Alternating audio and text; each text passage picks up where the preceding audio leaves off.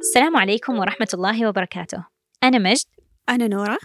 وإحنا طالبات دكتوراه في قسم العلوم الطبية في جامعة أكسفورد.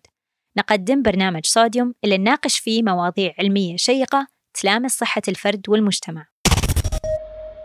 أعوذ بالله من الشيطان الرجيم. إن الله لا يستحيي أن يضرب مثلا ما بعوضة فما فوقها. ضرب الله في القرآن مثل على البعوضة. مخلوق نشوفه صغير ونبغضه. لكنه أعقد مما نتصور. وله أهمية كبيرة في مجال الصحة لأنه يتسبب في نقل أمراض كثيرة. موضوعنا اليوم مو عن البعوض لكن عن مخلوق ثاني خلينا نتفكر في عظمة خلق الله. هو شيء مرة صغير وعايش معانا وجواتنا لكن الفكرة السائدة عنه هو أنه خطير أو وسخ وهو الجراثيم. في حلقتنا هذه إن شاء الله حنغير فكرتكم عن الجراثيم ونناقش كيف وجودها في أجسامنا مهم جدا لصحتنا. شيء غريب سبحان الله جسمنا مو بس مكون من خلايا إنسانية برضو موجود في جسمنا جراثيم متنوعة بأعداد ضخمة تتعايش معانا. يحتاجها جسمنا في وظائفه المختلفة وهي أيضا تستفيد مننا لأن نوفر لها بيئة مناسبة للحياة. وهذه الجراثيم ممكن تكون فطريات وبكتيريا وفيروسات وغيرها من الكائنات الدقيقة. إلى الآن العلم ما توصل لدراستها كلها لكن حنحاول نعطيكم نظرة شمولية عن آخر ما توصل له العلم في هذا الموضوع. مجموعة الجراثيم المختلفة هذه اللي تستوطن جسمنا لها اسم علمي وهو الميكروبيوتا أو الميكروبايوم من كلمة ميكروب يعني كائن دقيق أو جرثوم. وممكن تكون زي ما قلنا بكتيريا أو فيروسات أو فطريات أو غيرهم من الكائنات الدقيقة. ومو بس الإنسان اللي عنده ميكروبيوتا الحيوانات والنباتات برضو عندهم الميكروبيوتا الخاصة بيهم. ما زالت الميكروبيوتا تحت الدراسة المكثفة لكن بشكل عام تعتبر جزء أساسي من جسمنا. لدرجة العلماء يعتبروها عضو في حد ذاته زي الكبد زي العين زي الأنف وزي ما كل عضو في جسمنا له وظائفه. الميكروبيوتا لها وظائف كمان زي المناعة والتغذية وحتى التحكم في المزاج وغيرها. ولأن الله خلقنا في أحسن تقويم وبدقة هذه الكائنات الدقيقة المتعايشة معنا واللي يصل أعدادهم بالبلايين موزعين بجسمنا بطريقة عجيبة بحيث أنه كل أحد فيهم يعيش في بيئة ومكان مناسب له. لو لا سمح الله تغيرت الظروف المحيطة أو تغير مكانه يتحول إلى مرضي. يعني مثلا إذا البكتيريا اللي المفروض تكون في الجلد دخلت جسمنا هنا قد تسبب مرض لا سمح الله. وتشكيلة الميكروبيوتا في جسمنا تختلف حسب الأكل اللي ناكله والبيئة اللي نعيش فيها. لكن كمان لها جانب وراثي لأن الجينات اللي نكتسبها من أمهاتنا وآبائنا ممكن تحدد إيش نوع الميكروبات اللي تستوطننا. وفي نفس الوقت من ولادتنا إحنا بنكتسب ميكروبات من أمنا في قناة الولادة ومن الرضاعة. لهذا السبب الأطفال اللي ينولدوا قيصري الميكروبيوتا في جسمهم مختلفة عن حقة الأطفال اللي ينولدوا طبيعي ونفس الشيء الميكروبيوتا تختلف إذا الطفل رضع رضاعة طبيعية أو بطريقة بديلة وبعض هذه الميكروبات اللي نكتسبها في بداية حياتنا تبقى معانا طوال عمرنا بس إيش الفايدة؟ ليش الميكروبيوتا مهمة لصحتنا؟ اليوم نبغى نتكلم عن وظائف هذا العضو الغريب في مختلف أنحاء الجسم بالذات في الأمعاء وكيف ممكن نحافظ على صحته وحنتطرق كمان لطرق الكشف عنه والتحديات اللي تواجه العلماء في دراسته.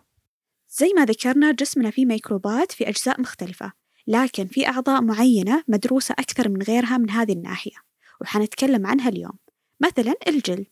الجلد أكثر الأجزاء في جسمنا اللي يتعرض للعالم الخارجي سواء من بكتيريا وفيروسات وغيرها. تخيلوا أنه في جلدنا في أنواع كثيرة من الكائنات الدقيقة المختلفة ولأنه جلدنا يختلف من مكان لمكان في جسمنا أيضا الميكروبات تختلف أنواعها على حسب المنطقة من الجلد مثلا اللي في القدم غير اللي في الوجه.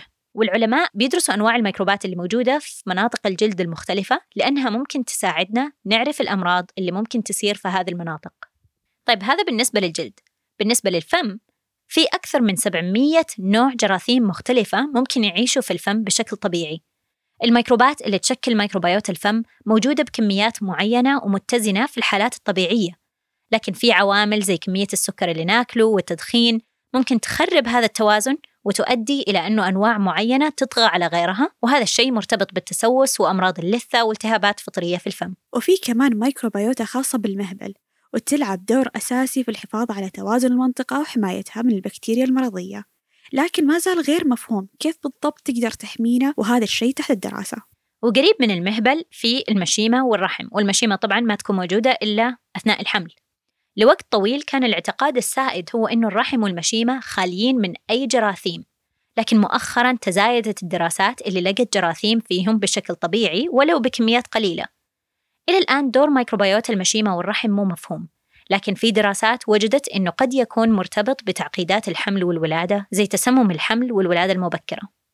والحين نتكلم عن أهم الأعضاء من ناحية الميكروبيوتا والبحوث عليها اللي هو الأمعاء.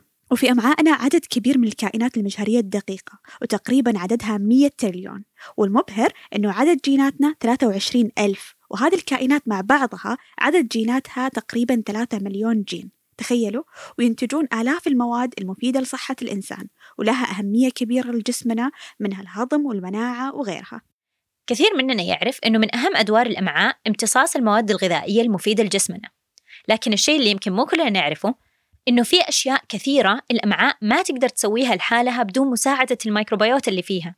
مثلا امتصاص وهضم بعض المواد المفيدة وتصنيع مواد ثانية زي فيتامين كاف اللي ما يقدر جسمنا يصنعه بدون وجود بكتيريا في الأمعاء. وأيضا ميكروبيوت الأمعاء مهمة للمناعة. العلاقة بين الميكروبيوتا والمناعة في أمعائنا وفي الجسم بشكل عام معقدة جدا لأن الجهاز المناعي يشوف هذه الميكروبات شيء طبيعي وما يعتبرها شيء خطير لكن في نفس الوقت ما زال قادر على محاربة أي ميكروب دخيل أو مرضي. وميكروبيوت الأمعاء نفسها تساعد في هذا الشيء لأنها تنتج مواد تقتل الميكروبات الضارة وتخلي جدار الأمعاء أقوى. واحد من أغرب الأشياء اللي اكتشفوها العلماء بخصوص ميكروبيوت الأمعاء هو إنها ممكن تأثر على تصرفاتنا وعلى مزاجنا لأنه في أنواع بكتيريا في الأمعاء تنتج هرمونات وناقلات عصبية تأثر على المزاج زي السيروتونين والدوبامين وغيرهم. وممكن تسمعوا حلقتنا الثانية هرمونات السعادة عشان تعرفوا عنهم أكثر. لكن عموما هذه الناقلات العصبية معروف أنه لها علاقة بالمزاج.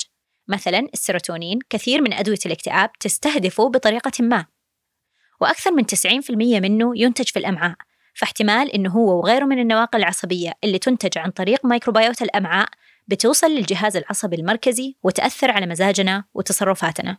في كمان عدة دراسات لقت أنه في أنواع بكتيريا معينة ما هي موجودة عند الناس اللي عندهم اضطرابات في المزاج زي الاكتئاب مثلا. وهذا خلى العلماء يفكروا لأول مرة كيف ممكن يعالجوا الاكتئاب اللي يعتبر مرض نفسي بأنهم يستهدفوا البكتيريا في الأمعاء.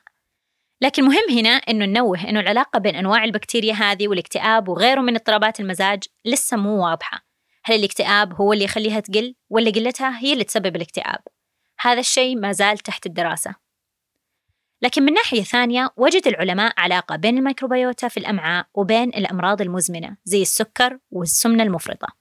لكن زي كثير من الأشياء اللي ذكرناها العلاقة إلى الآن مو واضحة وفي دراسات تناقض بعض لكن بشكل عام يبدو أن قلة التنوع في تشكيلة الميكروبات في الأمعاء مرتبطة بالسمنة المفرطة لأنه الأشخاص اللي وزنهم طبيعي عندهم تنوع أكثر من الناس اللي عندهم سمنة مفرطة. بالضبط. في دراسة على تقريبا 50 بالغ عندهم زيادة في الوزن سووا لهم رجيم لمدة ست أسابيع قللوا فيه السعرات الحرارية وخل... وخلوا الدايت عالي آه، بالبروتين. ولقوا في نهايته أن الأشخاص صار عندهم تنوع أكثر في الميكروبيوتا وقل الالتهاب في جسمهم وقلت مقاومة الأنسولين عندهم وهذا شيء كويس لأنه يقلل من احتمالية الإصابة بالسكري. بس ما زال في تحديات كثيرة في دراسة الميكروبيوتا وأهمها أنه إلى الآن مو واضح بالضبط يعني إيش أنها تكون الميكروبيوتا في الجسم صحية. إيش نوع البكتيريا المحددة اللي لازم نشوفها علشان نعرف أنه هذا الشخص صحي ولا لا. في دراسات كثيرة في هذا الموضوع لكن بعضها تناقض بعض وعلى حسب الموقع في جسم الإنسان ومن إنسان لإنسان حيكون الجواب مختلف. الشيء اللي أكيد إنه مهم هو التوازن. إذا أنت إنسان صحي فالميكروبيوتا في مختلف أنحاء جسمك في توازن وإذا اختل هذا التوازن لأي سبب ساعتها ممكن تحصل أمراض.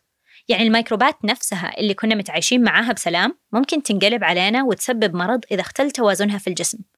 فمهم إننا ندرس ونفهم إيش هي أنواع الميكروبيوت المختلفة عشان نقدر نعرف كيف نعالجها إذا لا سمح الله تسببت في أمراض. الشيء الثاني اللي يظهر إنه مهم غير التوازن هو التنوع.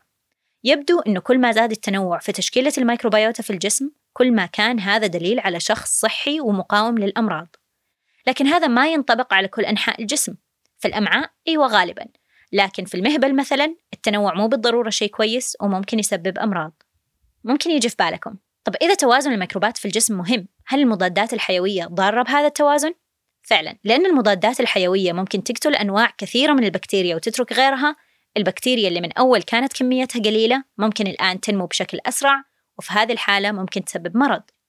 وفي دراسات لقت أنه استعمال المضادات الحيوية في سن مبكر زاد من احتمالية السمنة المفرطة للطفل. طبعا هذا الكلام مو معناه أن المضادات الحيوية ضارة بس أنه مهم جدا أننا ما نأخذها إلا لما يكون الموضوع من جد يستاهل وما في خيار ثاني.